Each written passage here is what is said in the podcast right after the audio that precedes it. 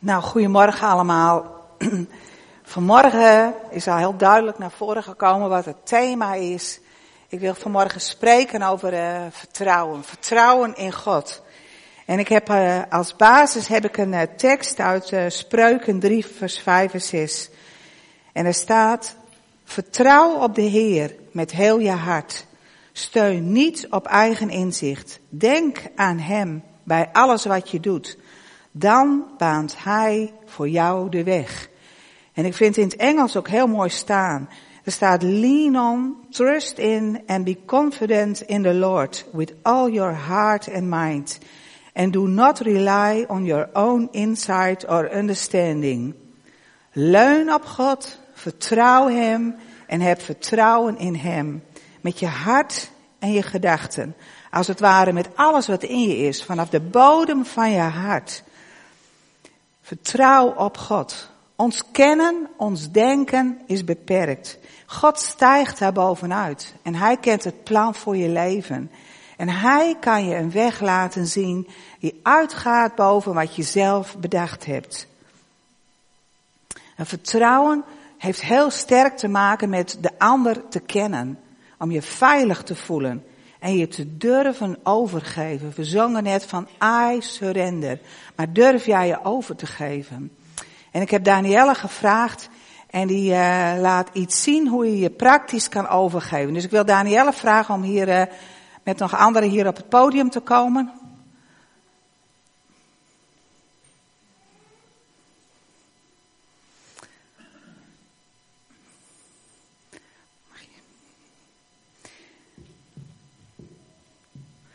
En uh, Danielle zal uh, laten zien wat het betekent om je over te geven.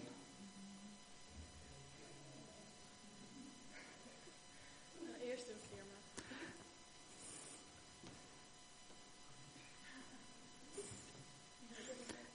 Ik weet niet of het gaat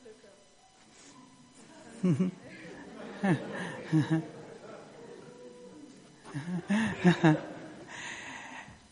Pak maar even vast. Ja, nou jullie hebben het gezien. Het was wel mooi, Danielle zei, ik weet niet of het gaat lukken. Want uh, jullie, jullie, wat deden jullie? Wat lieten jullie net zien? Misschien kun je het even vertellen. Nou, we moesten elkaar vertrouwen. En we moesten niet bang zijn dat we elkaar lieten vallen. En je, je ziet niet degene die er achter je ziet. Maar je weet wel wie het is. Je weet dat het Irma is. En je denkt, nou, Danielle dacht, nou ik weet niet, zo'n klein meisje of die mij, uh, of mij, die, die mij wel kan vangen. Maar om je aan de ander te, over te geven, moet je elkaar vertrouwen. Moet je vertrouwen dat diegene niet een stap opzij doet en denkt, nou laat maar mooi vallen.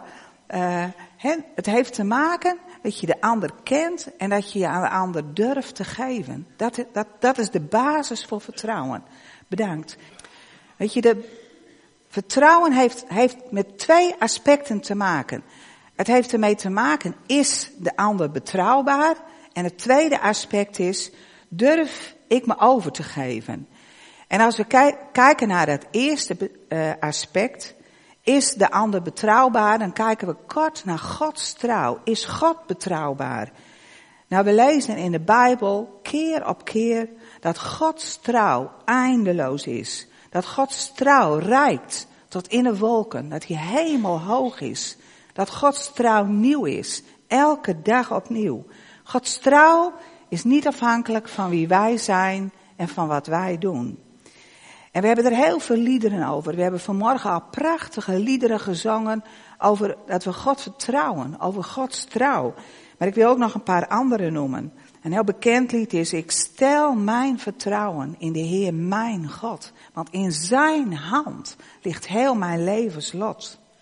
En denk ook eens aan het lied van, groot is uw trouw, o Heer. Zodat het zingen, dan beleiden we de trouw van God. En Gods trouw verandert nooit. Gods trouw is er en die blijft er vandaag, morgen en tot in eeuwigheid. Want God kan niet anders dan trouw zijn. En dat is een zekerheid waarop wij kunnen bouwen. Ik wil het nu vandaag met name over het tweede aspect hebben. Durf ik mij over te geven? Het kennen van Gods trouw vraagt ook dat je daaruit gaat leven. In Psalm 37, vers 5 staat, leg je leven in de hand van de Heer. Leg je leven in de hand van de Heer. En vertrouw op Hem. Als je je leven in de handen van de Heer legt, dan geef je jezelf uit handen en dan geef je je over aan God. En je bouwt dan op Hem. Nou, ik wil verder over uh, het thema vertrouwen nadenken met een uh, verhaal uit de Bijbel uit Handelingen 27. Dat is de reis van Paulus naar Rome. En ik ga het zo meteen lezen in de nieuwe Bijbelvertaling, maar later ga ik stukjes lezen en dan lees ik in de Bijbel in een gewone taal. Paulus is gevangen genomen en dan doet hij een uh, beroep op de keizer. Hij zegt, ik ben een Romeins burger en ik wil voor de keizer verschijnen. En daarom wordt hij naar Rome gestuurd. Nou, we gaan eerst dat hele verhaal lezen wat er dan uh, gebeurt.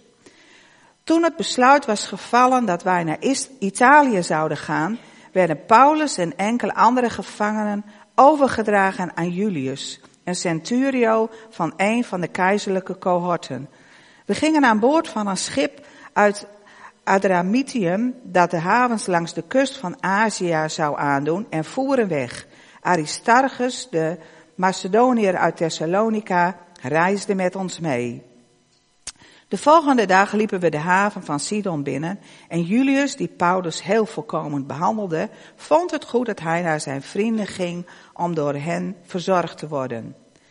Nadat we uit Sidon vertrokken waren, hadden we met veel tegenwind te kampen en daarom voeren we om Cyprus heen. We doorkruisten de zee, bezuiden Sicilië en Pamphylië en liepen Myra in Lycië binnen. Daar vond de Centurio een schip uit Alexandrië met Italië als bestemming en hij scheepte ons daarop in. Ettelijke dagen lang maakten we nauwelijks vaart, zodat we slechts met moeite ter hoogte van Knides kwamen. Omdat de wind ons niet vooruit liet komen, voeren we ons, voeren we om Kreta heen, langs Kaap Salmone, en nadat we met moeite een eind langs de kust hadden gezeild, legden we aan in een plaats die Goede Havens heet, vlak bij de stad Lacea. Er was al geruime tijd verstreken en ook de tijd van het vasten was al voorbij, zodat het gevaarlijk werd om uit te varen. Daarom waarschuwde Paulus de bemanning als volgt. Ik voorzie grote moeilijkheden als we nu uitvaren. Niet alleen lopen de lading en het schip gevaar, maar ook onze levens. Maar de centurio stelde meer vertrouwen in de stuurman en de kapitein dan in de woorden van Paulus. Omdat de haven ongeschikt was voor overwintering, nam de meerderheid het besluit uit te varen in de hoop Phoenix te bereiken, een haven op Kreta die bescherming biedt tegen de zuid- en noordwestenwind en daar te overwinteren. Toen er vanuit het zuiden een lichte bries opstak, dachten ze hun plan te kunnen uitvoeren. Ze lichten het anker en kozen zee en voeren zo dicht mogelijk onder de kust van Kreta.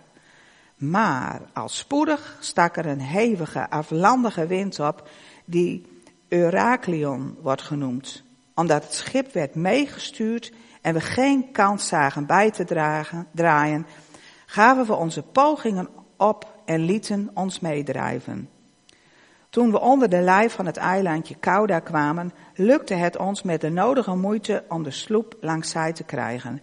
De bemanning hees de sloep omhoog en verstevigde bij wijze van veiligheidsmaatregel de romp van het schip met touwen. Uit angst om in Syrië aan de grond te lopen, wierpen ze het drijfanker uit en lieten het schip drijven. Het geweld van de storm was zo groot dat ze de volgende dag een deel van de lading overboord gooiden. En de dag daarna wierpen ze zelfs de scheepsuitrusting in zee. Dagenlang waren de zon nog de sterren te zien en bleef de storm in alle hevigheid woeden, zodat we tenslotte elke hoop op redding verloren. Al geruime tijd had niemand aan boord nog iets gegeten. En toen sprak Paulus de opvarenden als volgt toe. Had maar naar mij geluisterd, dan waren we op Kreta gebleven. Dan waren ons deze moeilijkheden bezwaard, bespaard gebleven en was er niets verloren gegaan. Maar toch roep ik jullie op om moed te houden, want niemand van jullie zal omkomen. Alleen het schip zal verloren gaan. De afgelopen nacht werd ik namelijk bezocht door een engel van de God aan wie ik toebehoor en die ik dien. En hij zei, wees niet bang Paulus, je moet voor de keizer verschijnen. En daarom heeft God je in zijn goedheid het leven van alle opvarenden geschonken. Houd dus moed, mannen, want ik stel vertrouwen in God en verwacht dat het zo zal gaan als me gezegd is. We zullen stranden op een of ander eiland. En toen de veertiende nacht aanbrak, waren we nog steeds op drift in de Adriatische Zee. En omstreeks middernacht vermoedde de bemanning dat we land naderen. Ze gooiden het dieplood uit en peilden twintig vaden. En even gewacht te hebben, gooiden ze het lood nog eens uit en peilden toen vijftien vaden. Uit angst om op een klip te lopen, wierpen ze de achtersteven, vier ankers uit en baden dat het dag mocht worden. Maar toen de bemanning het schip wilde verlaten en de sloep te water liet onder het mom dat ze ook boegankers wilden uitbrengen, zei Paulus tegen de centurio en de soldaten, als zij niet aan boord blijven, kunnen jullie niet worden gered. Daarom, daarop kapten de soldaten de touwen van de sloep en lieten hem in zee vallen. En kort voor het aanbreken van de dag spoorde Paulus iedereen aan om iets te eten. Hij zei, jullie wachten nu al veertien dagen af, zonder ook maar iets gegeten te hebben. Ik raad jullie aan om nu iets te eten, want dat zal bijdragen tot jullie redding. Niemand van jullie zal een haren worden gekrenkt. En toen hij dat gezegd had, nam hij een stuk brood, dankte God in aanwezigheid van allen, brak het brood en begon te eten. Dat gaf de anderen moed, zodat ook zij gingen eten. In totaal waren we met 276 mensen aan boord. Nadat iedereen genoeg had gegeten, maakten ze het schip lichter door het graan overboord te gooien. Toen het licht werd, herkenden ze de kust niet, maar ze zagen een baai met een strand en besloten een poging te doen om het schip daar aan de grond te zetten. Ze maakten de ankers los en gaven ze prijs aan de zee. En tegelijkertijd haalden ze de riemen weg waarmee het dubbelroer vastzat. Toen hezen ze het voorzeil en hielden voor de wind aan op het strand. Ze stoten echter op een zandbank en daar liep het schip aan de grond. De boeg kwam onbewegelijk vast te zitten en door het geweld van de golven begon de achtersteven te breken. De soldaten vatten het plan op om de gevangenen te doden, zodat niemand zwemmend zou kunnen vluchten. Maar de centurio, die wilde dat Paulus in leven bleef, verijdelde hun plan en gaf bevel dat eerst degene die konden zwemmen overboord moesten springen om aan land te gaan. En daarna de anderen op planken of stukken wrakhout. En zo kwamen we allen behouden aan wal. Een heel spannend verhaal, heel veel details over het varen, het zeilen. Het is wat anders dan een tochtje dat je even in een vliegtuig stapt en uh, vliegt van uh, vliegt naar Rome, wat zo gemakkelijk is tegenwoordig. Nou, ze kwamen in dit, uh, ze bleek dat ze op Malta uitgekomen, uiteindelijk op Malta uitkomen. En ook daar gebeuren weer heel bijzondere dingen. En het is, ik raad je aan om dat te lezen, want dan zie je ook hoe God bij Paulus is en wat ook in, op Malta gaat gebeuren.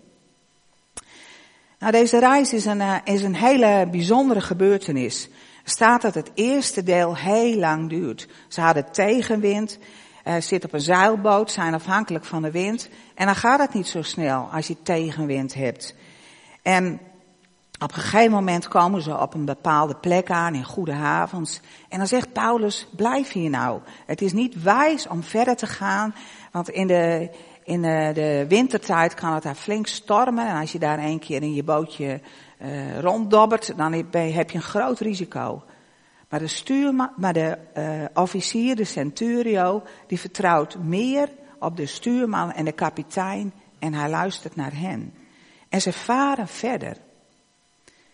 En dan breekt een geweldige storm los. Ze zijn daar op, uh, op de Adriatische Zee. En, en, en het bootje gaat heen en weer. Ze kunnen de zeilen niet langer omhoog houden.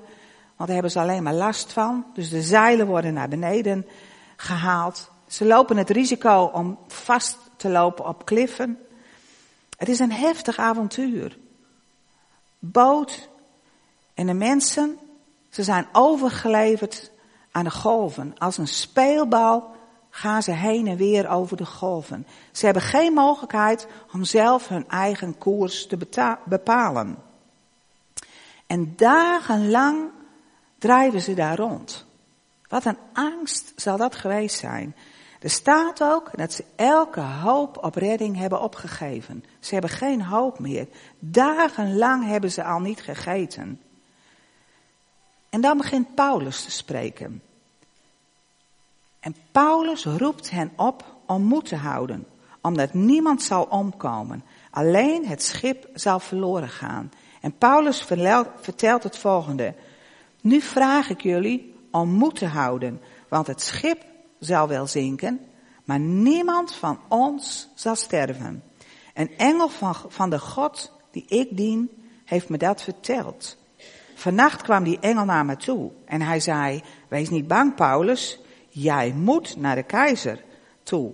En vanwege jou zal God alle mensen op het schip redden. Houd dus allemaal moed, want ik vertrouw op God.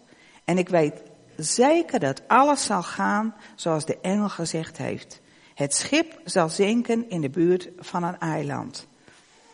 Kun je je voorstellen wat daar gebeurde? Op een plek waar alles verloren lijkt, waar geen hoop meer is, daar spreekt Paulus. En wat ik ook heel bijzonder vind, daar komt eerst God. God stuurt een engel. Op plekken waar, waar de storm zo groot is, waar de crisis zo groot is, daar, en je roept uit naar God, dan antwoordt Hij altijd. Dan is Hij daar. En dan komt Hij in de situatie waar je in bent. En hier komt een engel van God en die spreekt. En in die hopeloze situatie zegt Paulus, wees niet bang, houd moed. Jullie zullen niet verloren gaan. Paulus spreekt uit wat de engel gezegd heeft. Maar wat een vertrouwen moet Paulus in God hebben gehad. Wat een zekerheid dat het God is die tegen hem gesproken heeft. En wat een zekerheid dat het goed gaat komen. Weet je, wij lezen dit zo makkelijk. Het is een prachtig verhaal, een spannend verhaal. Je, kan er, je zou hier een mooie film van kunnen maken of het uit kunnen spelen. Maar stel je voor dat jij in een situatie zit waarin het zo spannend is. Dat er, dat er geen hoop is. Dat je niet meer weet hoe het zal gaan. En uh, iedereen om je heen en jezelf ook ziet eigenlijk geen uitkomst meer. En dan zegt God tegen jou, wees niet bang, want ik ben er. Ik ben er en ik zal een uitredding geven. Ik zal jullie hier uithalen. Wat doe je dan? Ga je dat uitspreken? Het begint al, vertrouw je daarop. Ontvang je wat God daar tegen je zegt. Maar spreek je het ook uit naar de anderen? Durf je daarin te gaan staan? Dat is een geweldige uitdaging. Of denk je van, hmm, ja, ik heb dat nu wel gehoord, maar uh, ja, was dat nou wel God die tegen mij sprak? Heb ik het niet, niet zelf bedacht of is het niet iets van mijzelf?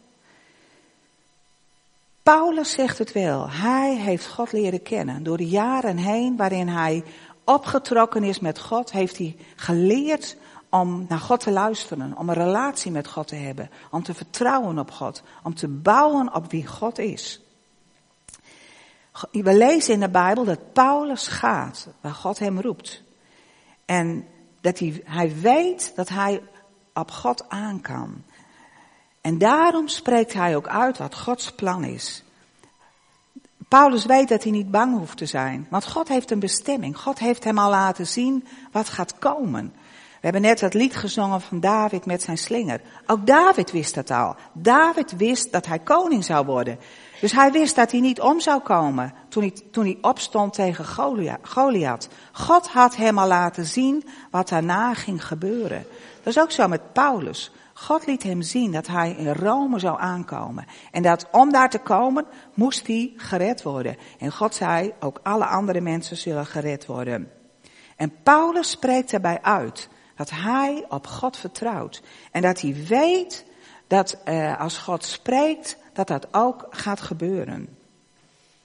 Maar ondertussen drijven ze daar al veertien dagen rond op die zee.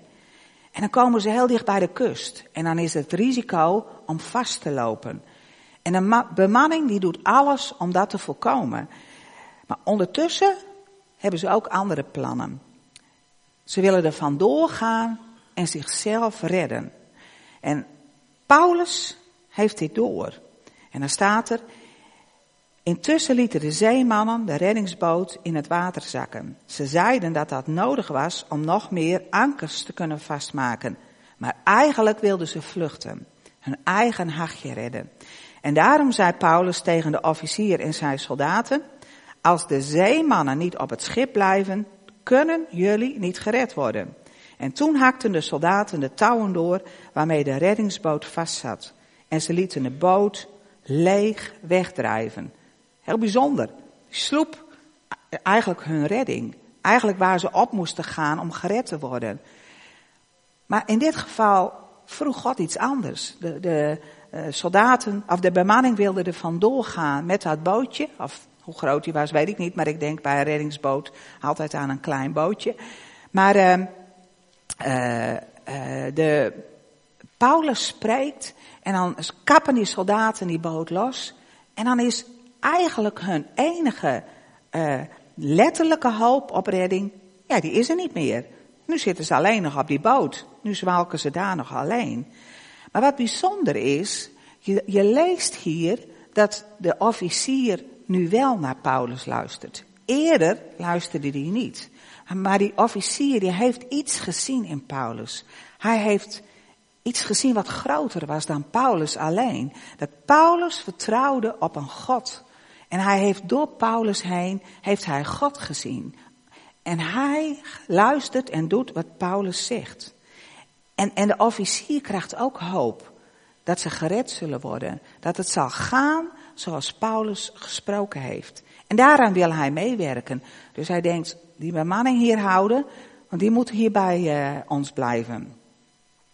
Nou, dan gaat het verhaal verder. Nog voordat het ochtend werd, wilde Paulus dat iedereen wat ging eten. En hij zei, jullie zijn nu al veertien dagen lang bang. En al die tijd hebben jullie niets gegeten. Maar nu moeten jullie echt iets eten. Dat is nodig voor jullie redding. Want er zal niets met jullie gebeuren. En toen Paulus dat gezegd had, pakte hij een brood en dankte God. En iedereen zag hoe hij het brood in stukken brak en begon te eten. En daardoor kregen de mensen nieuwe moed. En iedereen begon te eten. In totaal waren er 276 mensen op het schip. En toen iedereen genoeg gegeten had, werd het graan uit het schip in zee gegooid. Zo werd het schip minder zwaar.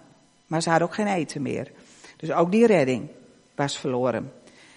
Maar Paulus die laat hier zien dat hij echt op God vertrouwt. Hij, hij spreekt het uit maar hij leeft het ook uit. En hij geeft goede adviezen. En de mensen pakken het op. En ze krijgen weer moed door wat Paulus doet en gaan ook eten. Ja, hier staat dat ze heel bang geweest zijn. En, en door de, wat Paulus spreekt, vatten ze moed en gaan ze eten. En de volgende dag zien ze land. Het schip wordt naar het strand gestuurd. En dan loopt het vast en scheurt de boot doormidden. En dan is er weer een spannend moment. Opnieuw is er een uh, risico om gedood te worden. Want nu willen de soldaten willen alle gevangenen doden. Opnieuw iets om in te gaan tegen wat God wil. En opnieuw laat God aan Paulus zien wat er aan de, aan de hand is. En Paulus spreekt het uit. En hij zegt van die mannen moeten niet weggaan. Want ze willen, of die soldaten die, die uh, uh, nee, het gaat niet zo. Paulus zegt niet iets, maar de officier die wil Paulus, wil die behouden laten worden. Hij wil niet dat Paulus gedood wordt. En dan uh, zegt hij van, niet uh, de gevangenen doden, maar laat iedereen overboord springen die kan zwemmen. En de rest die kan op stukken hout, kan hij uh, zich aan vastklampen. En zo komt uiteindelijk iedereen komt veilig aan land. Een bijzonder verhaal. Het doet mij ook denken aan de storm waar de discipelen in zitten met Jezus aan boord. Dat Jezus zegt, wees niet bang, want ik ben er. En, en dat Jezus laat zien dat hij sterker en krachtiger is. Maar in dit verhaal zie je hoe Paulus helemaal op God vertrouwt. Niet de storm en niet de crisis bepaalt zijn leven, maar God die een plan heeft. God die hem laat zien dat hij naar Rome gaat. En niets en niemand kan het plan van God tegenhouden. En dan is het zo mooi om te zien wat het vertrouwen van God, van Paulus in God doet met de mensen om hem heen. De officier die naar Paulus begint te luisteren en die doet wat hij zegt. En dan de mensen op het schip. Er is een moment, als je in dat verhaal dat leest, waarop God heel duidelijk aanwezig is. Paulus pakt een brood en hij spreekt dank uit naar God. En er gebeurt iets. De mensen horen het en ze zien het en ze krijgen opnieuw moed. Ze pakken het brood aan, ze eten het, letterlijk versterking voor hun lichaam, maar ze worden ook versterkt in hun geest. Want dat is nog het allermeeste, dat je denkt, wauw, er is een God, er is iemand die groter is dan deze situatie. En die gaat ons helpen, die gaat ons leiden. En, en ze ontvangen door Paulus wie God is. En dat is zo bijzonder. Dat is ook bij ons zo. Als wij vertrouwen in God hebben en wij spreken dat uit en wij leven daaruit, dan gaat dat ook iets doen met de mensen om ons heen. Want ze kijken naar je. En als jij in een situatie die heel spannend is, eh, in een crisissituatie, in een storm in je leven, als je dan zegt van ik houd vast aan God, wat er ook gebeurt, mijn God is er, dan, dan raakt dat mensen om je heen. Want dan zien zij dat, dat God groter is. Dan zien zij door jou heen wie God is. En ook door jou heen kun je dan hoop geven aan mensen om je heen. Ik wil nog een ander Bijbelgedeelte lezen. Een mooie tekst die in Jeremia 17 staat, vers 5 tot 8. En ik lees hem in de Bijbel in een gewone taal. Dat gaat ook over vertrouwen. En er staat, de Heer zegt, het loopt slecht met je af als je alleen op mensen vertrouwt. Als je hulp zoekt bij mensen en niets van mij wilt weten. Dan lijk je op een struik in de woestijn. Een dorre struik in een gebied waar niets groeit, waar niemand woont en waar het nooit regent. Maar als je op mij vertrouwt en bij mij hulp zoekt, zul je gelukkig zijn. Dan lijk je op een boom aan het water. De wortels van zo'n boom groeien tot in de rivier. Zo'n boom heeft geen last van de hete zomer. Zijn bladeren blijven altijd groen. En hij geeft ieder jaar vruchten ook in jaren van droogte. Twee manieren hoe je kunt leven. Als je buiten God omleeft, dan heb je het moeilijk, want je mist de voeding, je mist uh, de, de vocht, je, je wordt niet vernieuwd en verfrist. Je, je, je moet, ja, je gaat verdorren. Je, je, je hebt geen voeding wat je opbouwt en waardoor je door kunt gaan. Maar als je op God vertrouwt, als je Hem kent en als je voeding uit God komt, dan is het zelfs als situaties heel moeilijk worden. Hier staat als er een hete zomer komt en uh, uh, je hebt eigenlijk geen vocht, geen, geen voeding op dat moment. Dan gaan die wortels in God, die gaan zo diep. Die halen het water ergens vandaan, zodat die boom sterk kan worden. Dat hij zelfs dan nog bladeren heeft, sappige bladeren. En dat is ook zo in ons leven. Als je uh, op God vertrouwt, dan word je van binnenuit door God gevuld, gevoed. Ook in tijden van droogte. Ook in tijden van woestijn. Nou is vertrouwen op God Het is, we kunnen het heel makkelijk zeggen, ik vertrouw op God. Maar vertrouwen op God is een proces. Waarin je leert om jezelf over te geven. En waarin je leert het van God te verwachten. En vertrouwen in God moet gebaseerd zijn op je relatie met Hem. Vertrouwen in wie God is. En dat je vertrouwt op wat God gaat doen. En als je onlosmakelijk vertrouwt in wie God is, dan kun je daarin gaan staan.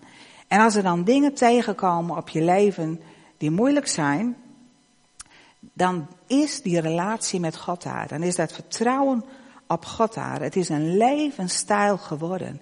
En dan weet je, ik kan op mijn God aan. Wat ik ook tegenkom in mijn leven, mijn God is er. Hij laat me niet alleen. Hij ziet mij. Hij is voor mij. Hij is achter mij. Hij is onder mij. Mijn God, op hem kan ik vertrouwen. Je bent in God en je blijft in God. Wat je ook tegenkomt en waar je ook doorheen gaat.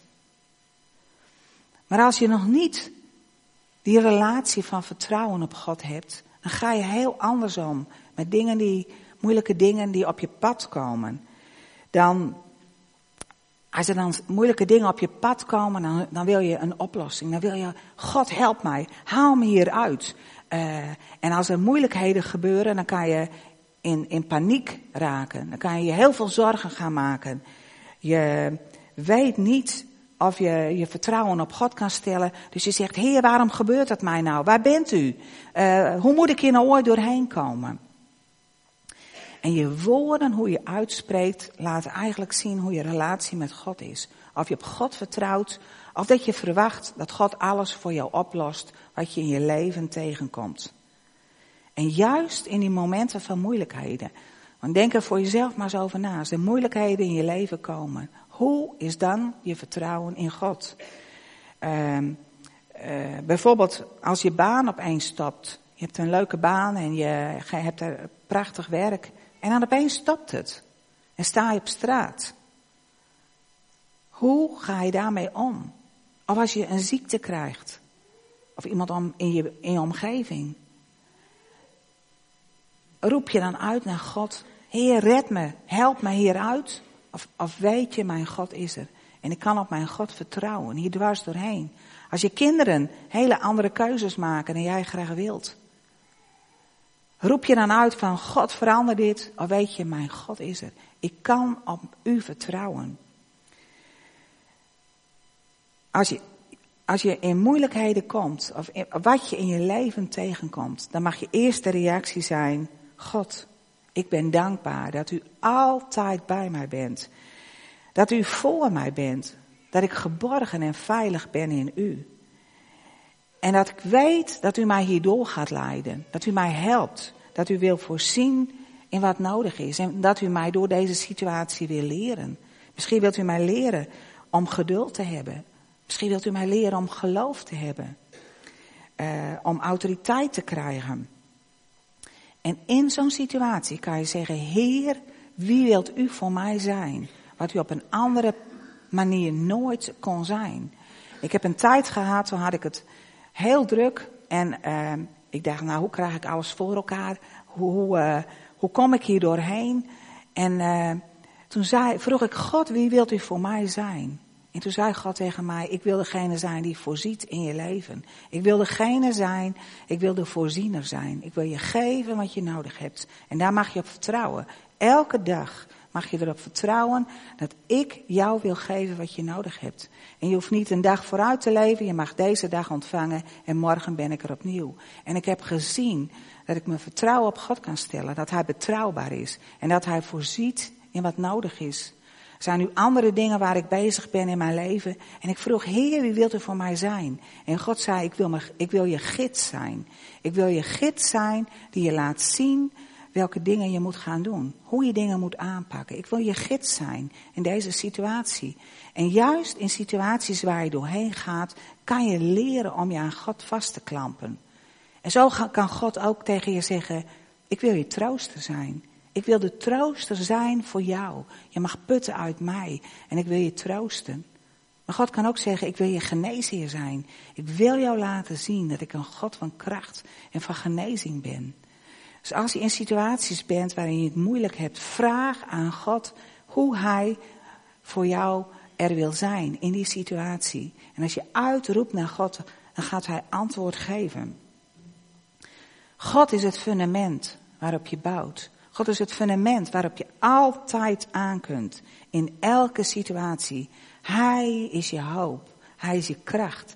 Het is als een anker. Net als een anker bij een schip het schip vast ligt, zodat het niet heen en weer slingert. Zoals wij net gelezen hebben. Maar hoe het vast, het schip ligt vast. Zo mogen wij onvoorwaardelijk op God bouwen. En ons fundament mag in Hem liggen. Hij is het anker. De zekerheid die nooit verandert. Die er altijd is. Bouwen op God. Omdat Hij er is. Omdat Hij er altijd is. En omdat Hij betrouwbaar is. En wat er ook gebeurt in die situatie. Dat je mag weten dat God er is. En misschien uh, haalt Hij je uit de nood. Misschien laat Hij een ander in je leven komen om je te helpen. Maar misschien ook moet je er dwars doorheen. En laat God een andere oplossing gebeuren dan je eigenlijk zelf graag zou willen. Maar God belooft dat Hij er is en dat je op Hem aan kunt. En dat je niet in stress en in, in, in onrust schiet, in angst. We hebben net gelezen van die angst. Angst die, die, die mensen op, die, op dat schip hadden.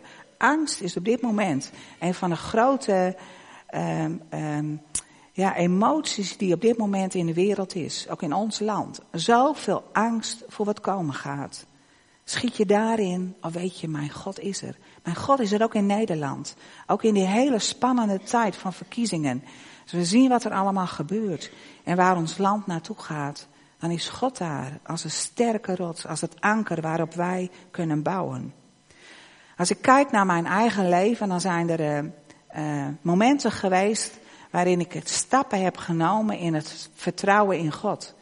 Ik weet nog heel goed een moment dat ik op uh, opwekking was bij de Pinksterconferentie en ik zat daar in die tent en er was een oproep of je je voor 100% aan God wilde toevertrouwen. En ik wist op dat moment, ik vertrouw God voor een heel groot deel en ik heb me aan Hem overgegeven. Maar misschien is het 98%. En uiteindelijk wil ik eerst wel eens weten wat God van plan is, voor ik zeg ja, dat wil ik doen.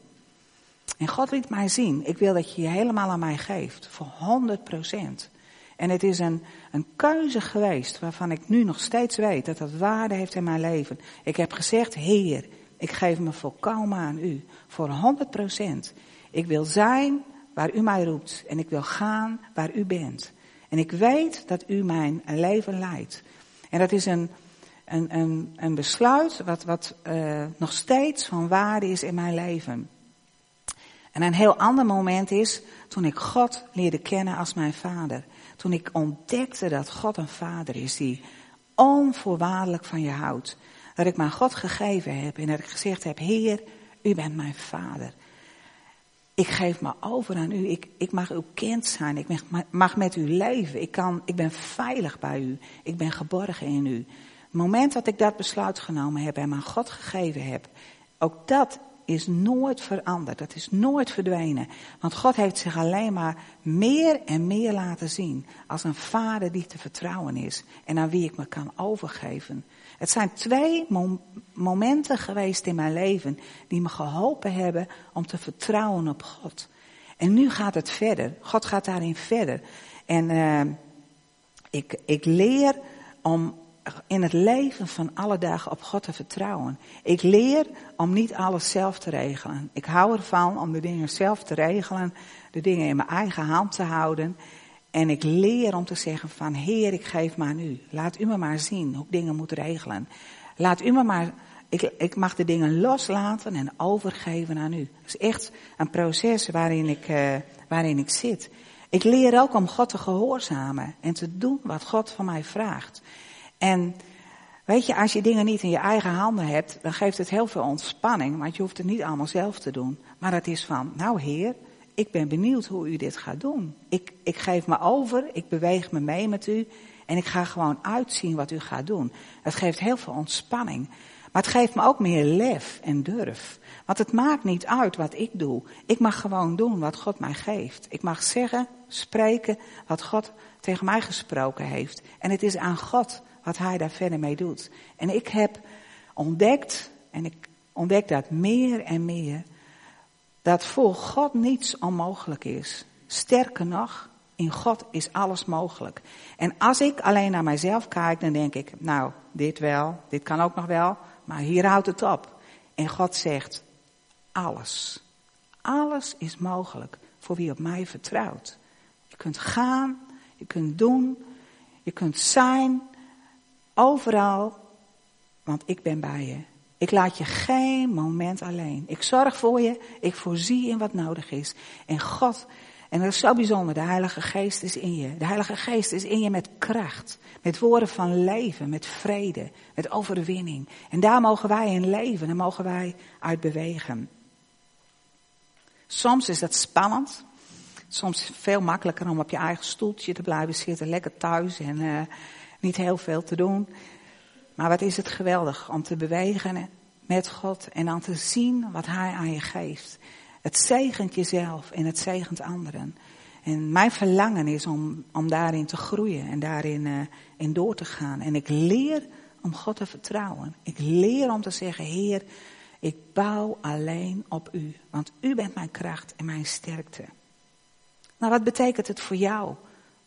Wat kun jij hier nu mee? Het eerste is om na te gaan, heb je je echt voor 100% aan God gegeven? Heb je gezegd, Heer, hier ben ik.